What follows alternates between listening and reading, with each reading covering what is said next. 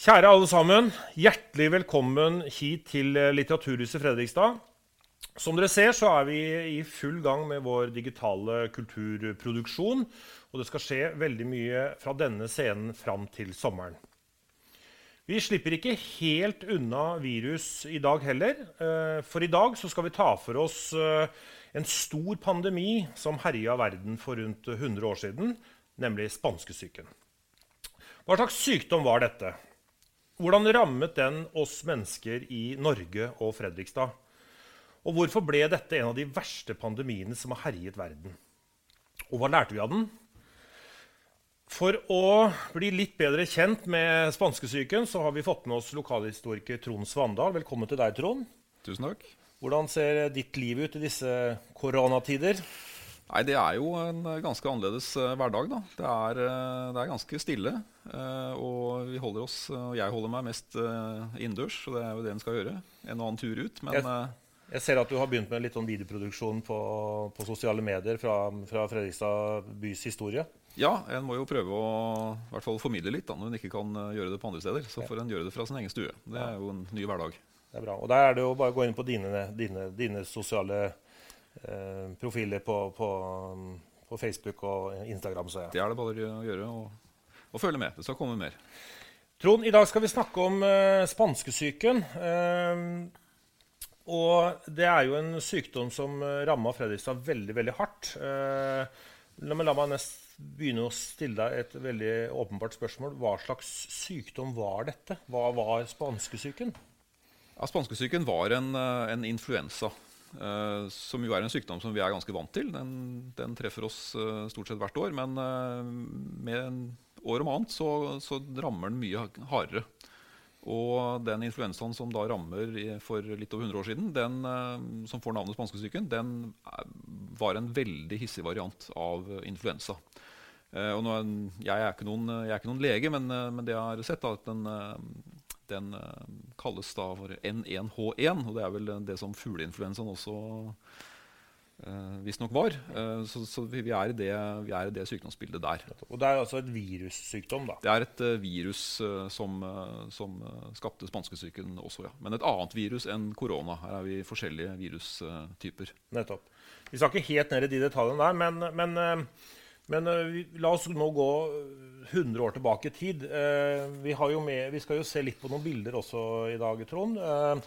Uh, og, og hva var det som, måtte, som kjennetegna verden for 100 år siden? Jo, det var jo nettopp dette bildet. Så du kan på en måte gi oss litt kontekst nå. Hvordan så verden ut uh, i 18, 1918, for det er jo det vi snakker om. Ja, altså Spanskesyken eh, bryter ut på våren i 1918 og skal jo da vare i halvannen til to år. Eh, mer eller mindre. Og det som jo prega 1918 mer enn noe annet, det er jo, det er jo første verdenskrig. Slutten av første verdenskrig. Eh, så det er en veldig spesiell situasjon i verden eh, som denne sykdommen da slo veldig hardt inn i. Og det ser vi jo i både sykdomsforløpet, hvor, hvordan det sprer seg rundt hele, hele verden, og også her i Norge, at det er, det er veldig prega av, av første verdenskrig og den mobiliteten som, eh, som var i verden da, med troppetransporter over Atlanteren, og eh, klart med alle begrensningene som krigen også ga. Så, så er eh, første verdenskrig et veldig viktig bakbilde. Og det er klart Når vi ser bildet her, dette er fra skyttergravene på vestfronten, og de forferdelige forhold som var der, så ga det også et, en enorm grobunn for et virus til å spre seg og nok også utvikle seg. Men, men er jo, vi er jo kjent med hvordan koronaviruset sprer seg. Eh, men var dette viruset som spredde seg på samme måte? Ja, det, et, eh, det var jo et influensavirus, og det er jo, det er jo da ved dråpesmitte og kontakt. eh, Og det er klart når folk bor, bor tett, er tett på hverandre, eh, så fikk det her også mulighet til å spre seg eh, veldig fort. Eh, Og det er klart det var jo en Folk var jo ikke ukjent med sykdom og epidemier, men spanskesyken ramma jo eh, ufattelig hardt. da. Det er jo det som gjør den så spesiell, og som, som selvfølgelig også ble lagt merke til i samtida. Og så er det kanskje greit å, å, å, å minne om hvordan vi levde, eh, i, spesielt i Fredrikstad, eh, som var en arbeiderby for, for 100 år siden. Hvordan, hvordan, hvordan levde vi da kontra i dag? Ja, det er klart det var et eh, på mange måter et eh, ganske forskjellig samfunn. Eh, det er klart Hvis vi tar Fredrikstad som et eksempel, eh, dette var en arbeiderby. Folk bodde tett på hverandre. Folk bodde i trange arbeiderboliger. Veldig mange gjorde jo det. Eh, byen hadde jo en stor, eh, relativt fattig arbeiderbefolkning. Og det var jo helt vanlig å bo store familier på seks-åtte personer på, på ett rom og kjøkken. Eh, og særlig rundt disse arbeiderbydelene rundt sentrum. Men også i sentrum her så bodde jo folk mye mye tettere enn det vi gjør i dag. Så det er grunn til å tro at mye av smitten spredde seg faktisk i familier, da, siden man bodde så tett. Ja, det, og det har vi jo flere eksempler på også, at det ramma familier veldig hardt. Eh, Men også i lokalmiljøer så, så spredte jo dette her seg. Og folk hadde jo Folk hadde jo tett kontakt. Det er klart De bodde tett på hverandre, men, eh, men mennesker har jo sosial kontakt, og det hadde en jo i, i stor grad her også. Eh, Og det ser vi også at det, det, det sprer seg jo i noen klynger rundt omkring. Så det er en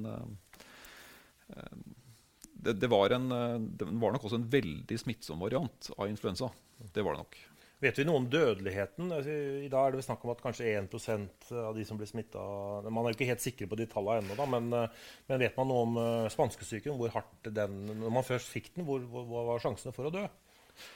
Ja, her er det jo mange forskjellige tall som verserer. og det er klart Vi har, eh, vi har ikke sikre tall. eh, Men sånn 1-3% er tall som opereres med flere steder. Eh, veldig mange ble alvorlig, alvorlig syke, og, og mange døde jo selvfølgelig. Veldig mange døde av ettersykdommer. Eh, lungebetennelse eh, er nok det som tok livet av de aller fleste.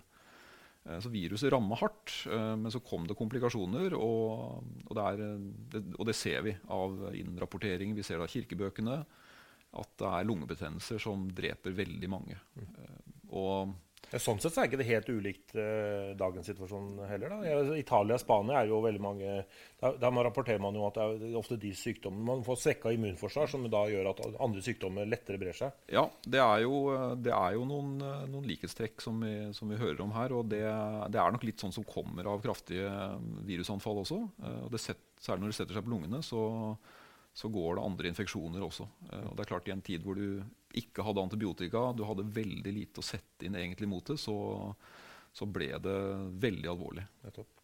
Du har med litt bilder, Trond. Kan vi kanskje se litt på neste bilde. Dette her er jo Jeg vet ikke hvor det bildet her er fra. Ja, Dette skal være fra et, eh, et eh, feltsykehus. eh, Og, og det er jo også veldig illustrerende hvordan mange, mange sykehus ble oppretta. For, for det er klart en måtte jo ta seg av eh, de syke her. Og sykehusvesenet for 100 år siden det var jo ikke dimensjonert for en epidemi som uh, spanskesyken. Uh, og i uh, militærleire var jo, Det var jo krig i Europa. USA var involvert i denne krigen. og det er klart det ramma jo veldig hardt. og mange steder så ble det jo hundrevis, tusenvis av syke på dette samme sted. Og det er klart da, da måtte en sette opp feltlasaretter eller nødsykehus. Og det ser vi jo, det gjøres jo i dag også. Kina bygger sykehus på kort tid. Men, så dette var ikke et uvanlig syn rundt omkring i Norge, og kanskje heller ikke Fredrikstad? Dette var heller ikke et uvanlig syn i Norge, nei. Og jeg skal komme en litt nærmere tilbake på eksempler fra Fredrikstad også. Det var, eh, det var stor, eh, stor mangel på sykesenger, og det måtte en jo opprette. Nettopp. Men, men før, vi, før vi går videre her, jeg har lyst til å snakke litt om likheter og ulikheter med koronaviruset som vi, som vi lever med i dag. Eh, For i dag så rammer det jo dette viruset vi sliter med i dag, rammer jo kanskje spesielt eldre eh, hardt. Eh, men var det slik med spanskesyken også? Nei, der er det en veldig interessant forskjell, og som også ble lagt merke til i samtida, da spanskesyken ramma. Den, den slo utrolig hardt ut mot altså relativt unge mennesker. Og det vi ser, er at de fleste som dør, de er i ja, 20-30, tidlig 40-åra. Mennesker som egentlig skulle ha den, den sterkeste motstanden mot en, en sykdom som dette her. Mens de eldre, 70-80-åringer, eh, klarer seg ganske fint. Det er ikke det at det ikke dør mennesker i den aldersgruppa heller, men eh, langt færre. En, Vet vi noe om hvorfor det var sånn? her er det også verserer flere teorier. Eh, det er én teori som sier at altså, de eldre hadde vært igjennom tidligere influensaepidemier. Eh, det skulle ha vært en på slutten av 1880-tallet blant annet, som, som mange nok hadde hatt. Og, det kan ha gitt en viss immunitet. Samtidig så var nok dette et nytt virus. Eh, en annen teori er rett og slett at unge mennesker hadde et såpass sterkt immunforsvar at mange, altså immunforsvaret rett og slett overreagerer mot det kraftige viruset her. Så man drepes egentlig av sitt eget immunforsvar. Kroppen, eh, kroppen overreagerer mm. på dette her. Og um, I noen tilfeller så er det jo rapportert inn at folk dør utrolig fort etter at de blir smitta. Uh, at folk faller om døde på gata, f.eks. Uh, så, så de ble og det kan jo kanskje tyde på da, at det er et immunforsvar som, eh, som slår ut voldsomt. Ja, Som knekker sammen, ja. ja. Men, men, for jeg har også hørt, jeg har også hørt at folk kunne bare falle om på bussen, f.eks., eller mm. hvor man nå måtte være. Bare rett og slett falt om ja, der man sto og, sto og, var. Og Det fins det flere, flere, beretninger om fra, fra, Norge og andre steder i verden også. Så, så det er Det tyder nok på at dette var, det, var veldig kraftig. ellers så er det som de vanlige altså Det som fortelles om viruset, da, at det slo ut med kraftig hodepine, høy feber og vanlig sånn influensatrekk, vondt i kroppen. Og så gikk det veldig fort på lungene. Uh, men den kraftige hodepinen den er det mange som, som rapporterer at den slo veldig fort og veldig kraftig ut. og at det beste en måtte gjøre da, det var å, det var å gå hjem og legge seg. Skal vi se litt på, på, neste bilde. Ja, dette er jo Ja, hva er dette? Ja, dette er jo et, en interessant kurve. Og dette er um, Dette er det typiske bildet av spanskesyken. Den ramma i flere bølger. Og Det så vi her i Fredrikstad, vi så det i Norge og, og for verden også. Uh, det er tre hovedbølger som ble rapportert. Eh, det var i uh, De første tilfellene de blir rapportert inn i uh, ja, senvinteren, våren 1918. Uh, eh, og da er det fra USA. I militærleir i Kansas skal ha vært stedet hvor det starter. og Så ramma det da Norge på sommeren. I juni, juli, august.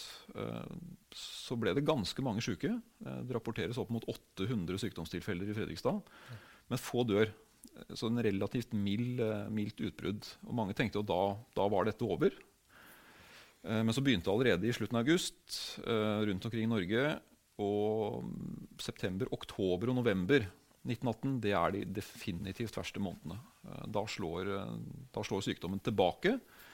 Og denne høstepidemien som den kalles, den, den tar jo livet av tusenvis i, i, Norge. Og her i Fredrikstad så er det mange hundre som dør.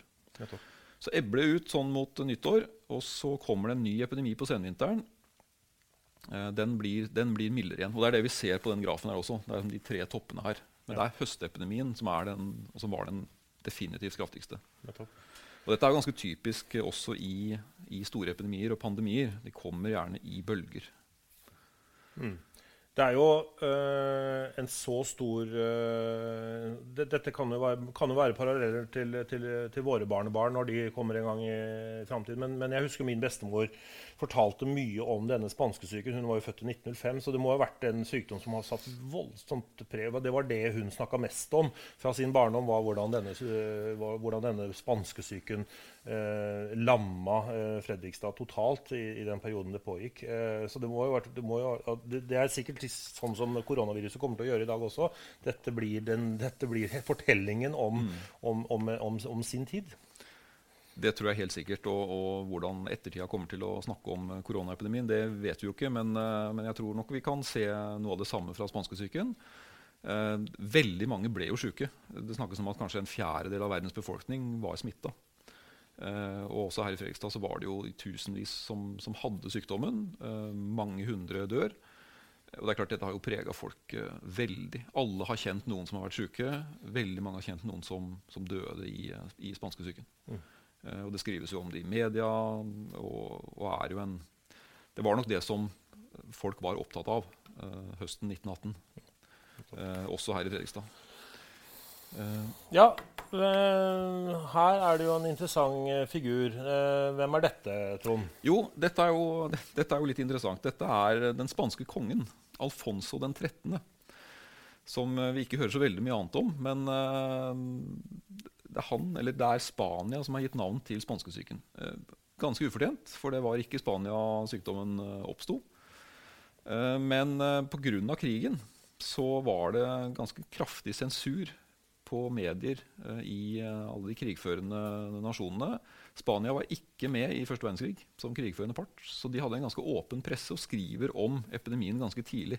Og også da kongen ble sjuk, så ble dette her omtalt i spanske medier. Og det er det som sprer seg. At det er en stor epidemi i Spania. Og da får det navnet spanskesyken.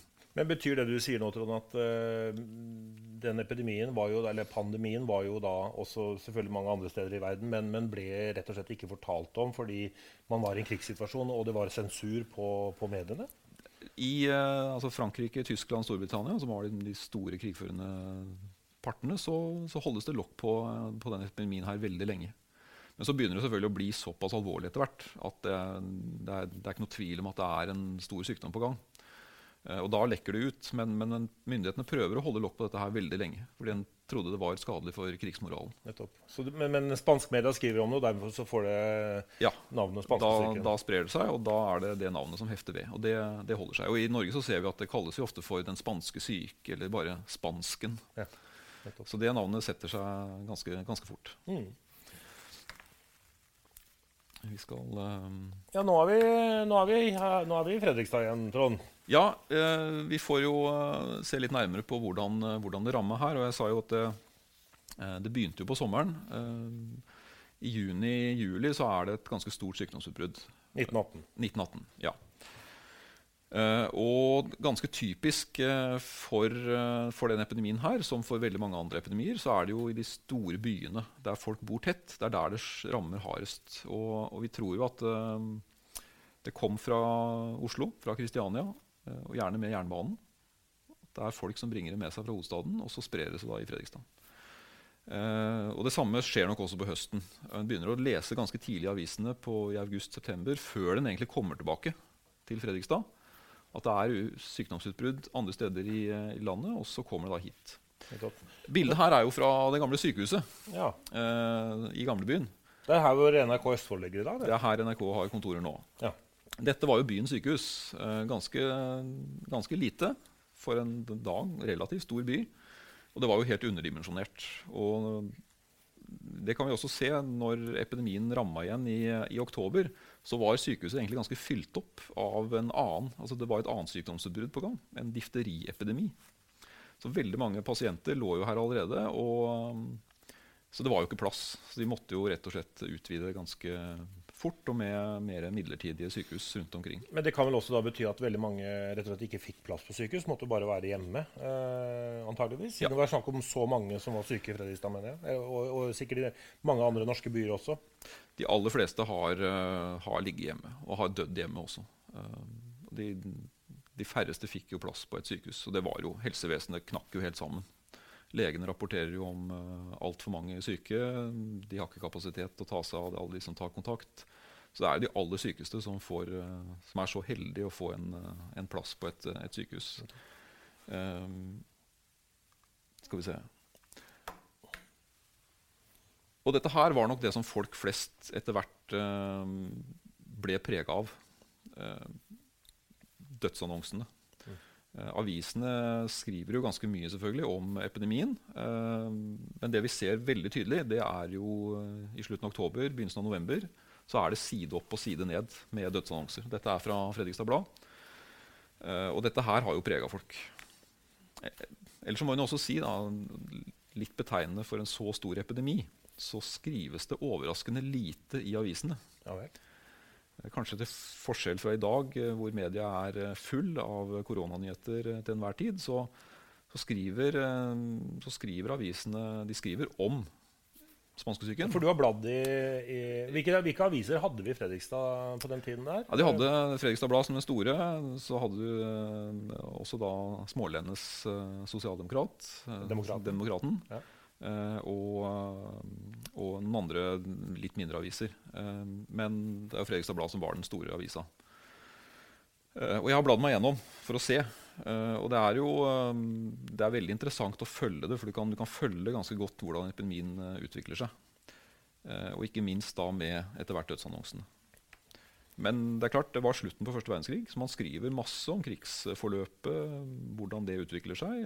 Det, er det som er de store oppslagene, og ikke denne pandemien som bredte seg samtidig. Det er kanskje et litt sånn typisk medielandskap à la for 100 år siden, hvor man ikke var så opptatt av de nære ting. Det var veldig store globale ting som, som prega nyhetsbildet. Ja, og det, det, merkes godt også i avisene. Mm, her har vi en familie. Ja, dette er familien til uh, Sigurd Hansen, som var uh, bordarbeider på et av sagbruka her i, uh, her i Fredrikstad. Mm. Fint familieportrett. og dette her, klart, dette er ting som gjorde inntrykk. Hele denne familien dør i spanskesyken. og det er ett eksempel. Og det fins flere beretninger om dette. Og det, sånt ble skrevet i avisene. Man fant tidlig i november blant annet, en familie på Torp og hele familien ble funnet død hjemme i huset. Uh, og det er klart Dette her, dette her slo hardt uh, ned uh, i lokalmiljøet, og, og, dette her gjorde inntrykk. hvor du har relativt unge mennesker. altså Her er det barn og en, en ung familie som alle sammen dør. Ja. og igjen så, det er klart, Her bodde man tett. Man hadde tett kontakt. viruset fikk lov å spre seg veldig fort. Og de her var nok da også i målgruppa i mennesker i 30-40-åra, også barn. Uh, og med dårlige sanitærforhold, dårlige helsevesen, så, så er det klart dette her, dette her slo veldig veldig hardt ut. Det er, det er, det er klart når man, ser, når man, ser, slike bilder som det her, og man vet skjebnen til denne familien, så forstår man jo hvorfor dette ble den store fortellingen fra, fra den tid. Ja, det er, det er, lett å skjønne. Dette her ble veldig nært, og alle kjente noen som var ramma av dette her. Uh, og det tror jeg den, den, den, historien har vi i alle familier her i Fredrikstad. Kanskje, du har kanskje nevnt det tallet, men det er kanskje verdt å, å, å, å si litt om det. Hvor mange var det som i en by som Fredrikstad, som var, var, var middels stor Fredrikstad, Fredrikstad var en middels stor by i Norge på den tid. Um, hvor mange var det som bodde her, og hvor mange var det som døde i Fredrikstad uh, på, i, på, den, på den tiden? Ja, vi har, eh, vi har, nok ikke noe helt eksakt tall. Altså I Fredrikstad og Fredrikstad-distriktet med disse her arbeiderbydelene rundt, så, så bodde vel den rundt 30 35 000 innbyggere. Eh, og det var en middels stor norsk by på, i 1918. Eh, det er snakk om flere hundre. Altså I begynnelsen av november var det rapportert 200 døde da på høsten. Så her er det nok snakk om totalt kanskje opp mot 300-400 døde. Eh, og så var det jo mange mange flere som var smitta. Eh, det kan ha vært en, kanskje en fjerdedel av eh, innbyggerne som var smitta. Så det er klart de fleste overlever jo. Men det er et veldig høyt, en veldig høy dødsrate. Så, så, så, mye mye, mye verre enn det korona så langt har, har truffet Fredrikstad? Ja, det er, noen, det er, noen, helt andre tall som vi, som vi opererer med mm. uh, under spanskesyken. Mm. Uh, og det er klart det har jo det, det, var en annen tid, det var et annet samfunn. Uh, og det er klart det man hadde å sette inn mot denne sykdommen, var jo også noe helt annet. Skal vi se vi skal uh... Ja, hva er dette? Konjakk skal utleveres, eh, Trond? Ja, for det ble jo, det ble jo, tatt, det ble jo prøvd og tatt noen grep.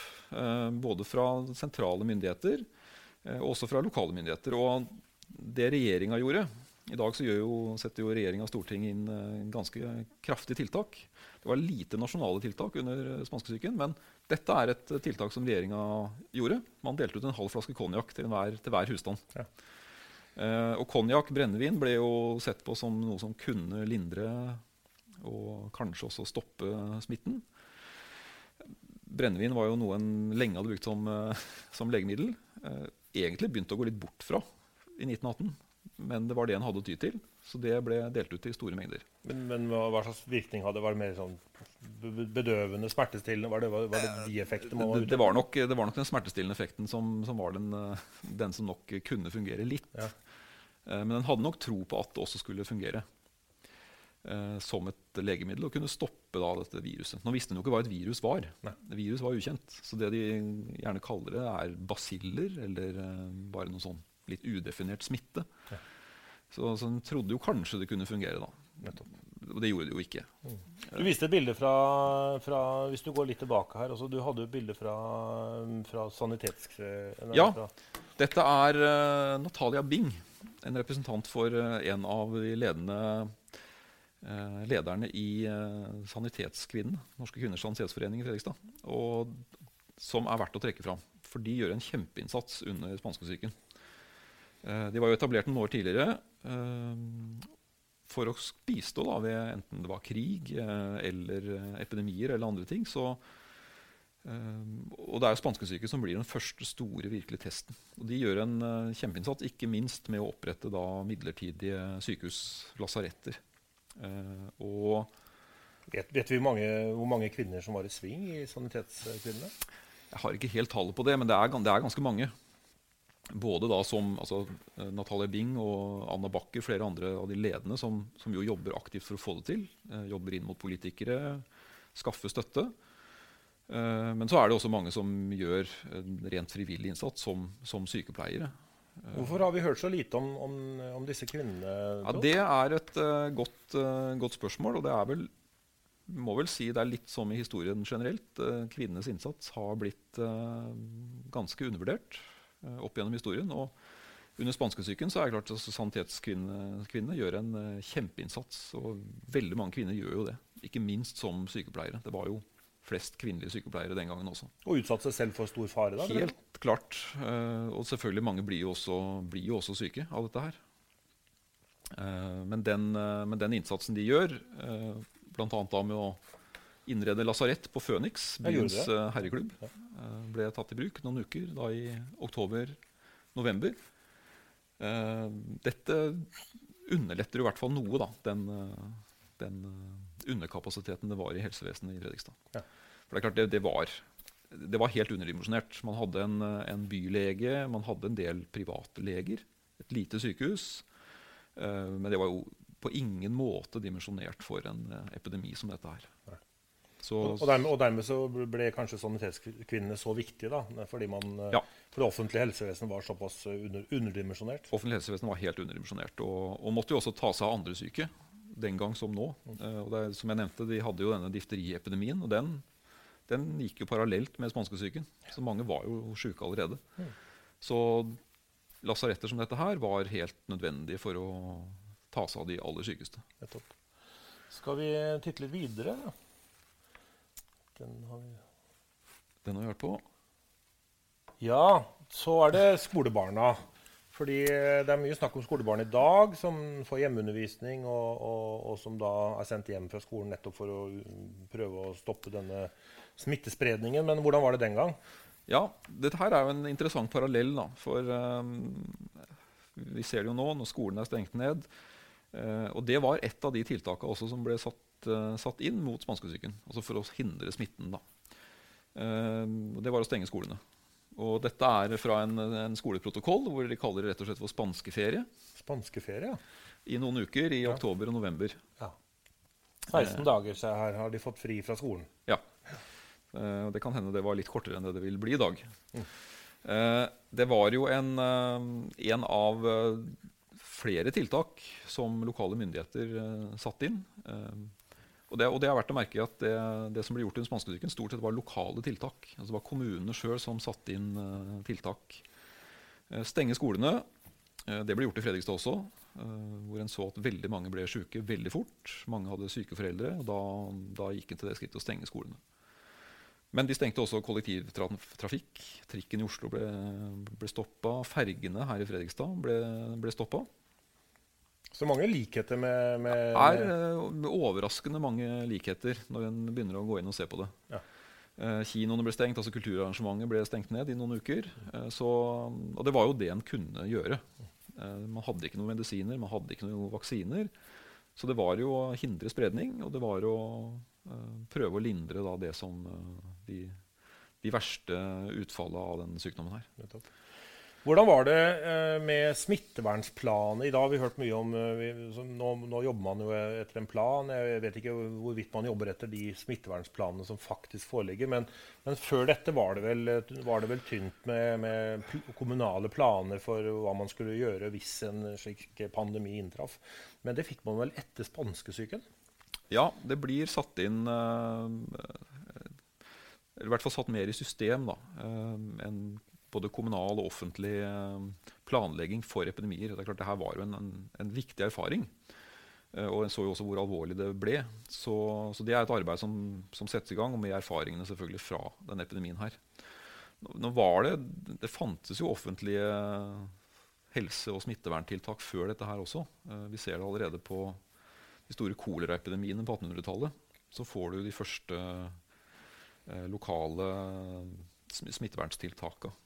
Og da er det ofte det er karantene. Det er, å, det er å holde folk unna hverandre og hindre smitte som, som er det store tiltaket.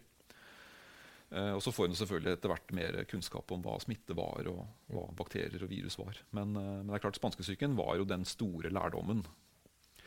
Uh, og jeg syns vel også vi i dag også kan, kan, skimte litt av den lærdommen når myndighetene setter inn tiltak. Så er det, det er erfaringene fra den store pandemien, spanskesyken, som fortsatt, eh, som fortsatt brukes. Nettopp.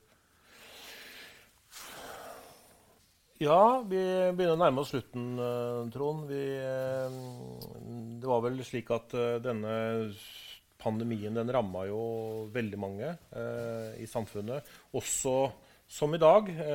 også ganske kjente folk. Ja, det gjorde den. Vi har nevnt den spanske kongen, men også en nordmann som Edvard, Edvard Munch. Som har malt et selvportrett. Dette er fra spanskesyken 1918. Ja. Og spanskesyken var eh, Den, den ramma alle samfunnslag. Selv om det kanskje virkte, kan nok tydes på at det var en overrepresentasjon i de fattigere samfunnslagene, og det kan nok være at den bodde tettere. Men, eh, men alle samfunnsgrupper blir, blir ramma. Mm. Eh, og så var det mange ettersykdommer. Jeg har jo nevnt denne lungebetennelsen, som nok er den som tar livet av de fleste. Eh, men det som også beskrives, er at det var, eh, det var mange som slet med ettervirkninger eh, lenge etterpå. Enten i form av lungebetennelse eller, eller, at man rett og slett ble såpass svekka av dette her. Så det er, det er, mange som beskriver det i åra etter.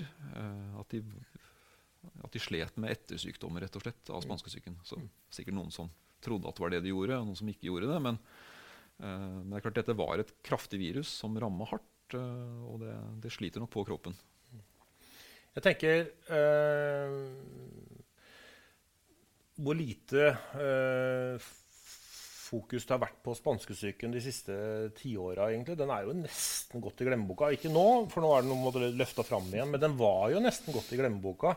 Eh, og det er jo nesten eh, litt rart, eh, tenker jeg, når, siden den ramma så hardt i sin tid. Eh, kan vi risikere at det samme skjer med korona om 100 år? Kanskje det, kan det også bli en glemt eh, altså er, Hva vet vi om, om, om på en måte fortellingene om disse store sykdommene. Eh, for de rammer oss jo med jevne mellomrom. Det gjør, har de jo alltid gjort. Eh, og kanskje om 100 år så finner man fram eh, historien om koronaviruset igjen. Ja, det er jo interessant å se, se det der. Det, det, er som du sier, altså, har, Menneskeheten har alltid blitt ramma av epidemier. Noen er verre enn andre. Og det er, jeg også ble slått av hvor hvor lite fokus det har vært på spanskesyken. Den har jo vært nevnt i noen bisetninger i historiske framstillinger. Men den, den ramma jo virkelig hardt, og den satt preg på menneskene som opplevde den. Eh, men så ble den glemt, og jeg tror nok det ligger litt til oss mennesker. at vi har, vi har en evne til å glemme ting. Eh, men så er den plutselig blitt trukket fram igjen nå, da. Eh, og det det er nok både, litt med års, at det var 100 år siden for et par år siden, og så kommer jo korona nå, og det blir veldig aktuelt. Uh, og jeg, vi kan vel være sikre på at vi kommer til å rammes av epidemier igjen. Det tilsier jo historien. Men uh, vi får jo prøve å trekke noen flere lærdommer fra, fra hver For Hva epidemi. har vi egentlig lært av spanskesyken, hvis, hvis jeg kan stille det spørsmålet? Ja, det, vi har, eh, det vi nok har, lært, er nok uh, dette med å ha planer og være forberedt på at det skjer. Uh, og så har det jo skjedd masse innenfor medisinsk uh, forskning, uh, utvikling av medisiner etter spanskesyken. Altså, bare det at vi vet hva et virus er, er jo noe helt annet. og Jeg skal ikke si at det er et resultat av spanskesyken, men det er klart de erfaringene og det, det den epidemien skapte av, av krise og, og, ikke minst utvikling for legevitenskapen, har nok vært stor. det, det tror jeg nok. Ikke, er, nå, nå, har jo for så vidt ikke antibiotika noe med virus å gjøre, men, men, det er jo ikke lenge etter eh, at uh, Alexander Flemming oppdager uh, penicillin, eller, eller antibiotikaen. Og, og, den kom i produksjon på 40-50-tallet, og det har jo vært den medisinske revolusjonen etter det. Så, så det, det, skjer jo veldig mye i kjølvannet av, av spanskesyken. Ja, det, det, gjør jo det. Og det er klart vi har jo altså den vitenskapelige revolusjonen egentlig, som skjer fra slutten av 1800-tallet og framover. Den uh, kommer jo også til legevitenskapen i aller høyeste grad. Uh, og den lever jo med fortsatt. Uh, og det er klart, Oppi dette her så kommer spanskesyken, og så ser en jo de konsekvensene den får. og det, det, vil jeg tro har prega også legevitenskapen kraftig i 20-30-åra. og så har man en, for, så vidt ikke funnet noe medisin mot virus enn så lenge. men nå vet vi hva det er, og det er klart vi har en helt annen kunnskap i dag Eh, både hvordan ting spres, hvordan smitte spres, og hvordan vi kan hindre det. Så, så det er et annet samfunn enn det spanskesyken ramma i. Mm. Trond Svandal, tusen hjertelig takk for at du kunne komme hit til Litteraturhuset og, og lære oss litt mer om uh, en uh, forferdelig sykdom som ramma dette samfunnet og hele Norge og hele verden for, for litt over 100 år siden. tusen takk for at du Eh, tok oss med tilbake i tid. Eh, takk til dere der hjemme som eh, har fulgt oss på denne sendinga her fra Litteraturhuset Fredrikstad. Husk at det er masse andre ting som skjer her også på, på digitale flater framover, så følg med på litthusfred.no for mer informasjon om, om, program som kommer, og ikke minst om programmer som vi allerede har tatt opp, og som ligger ute tilgjengelig for alle. Og mm, takk for oss.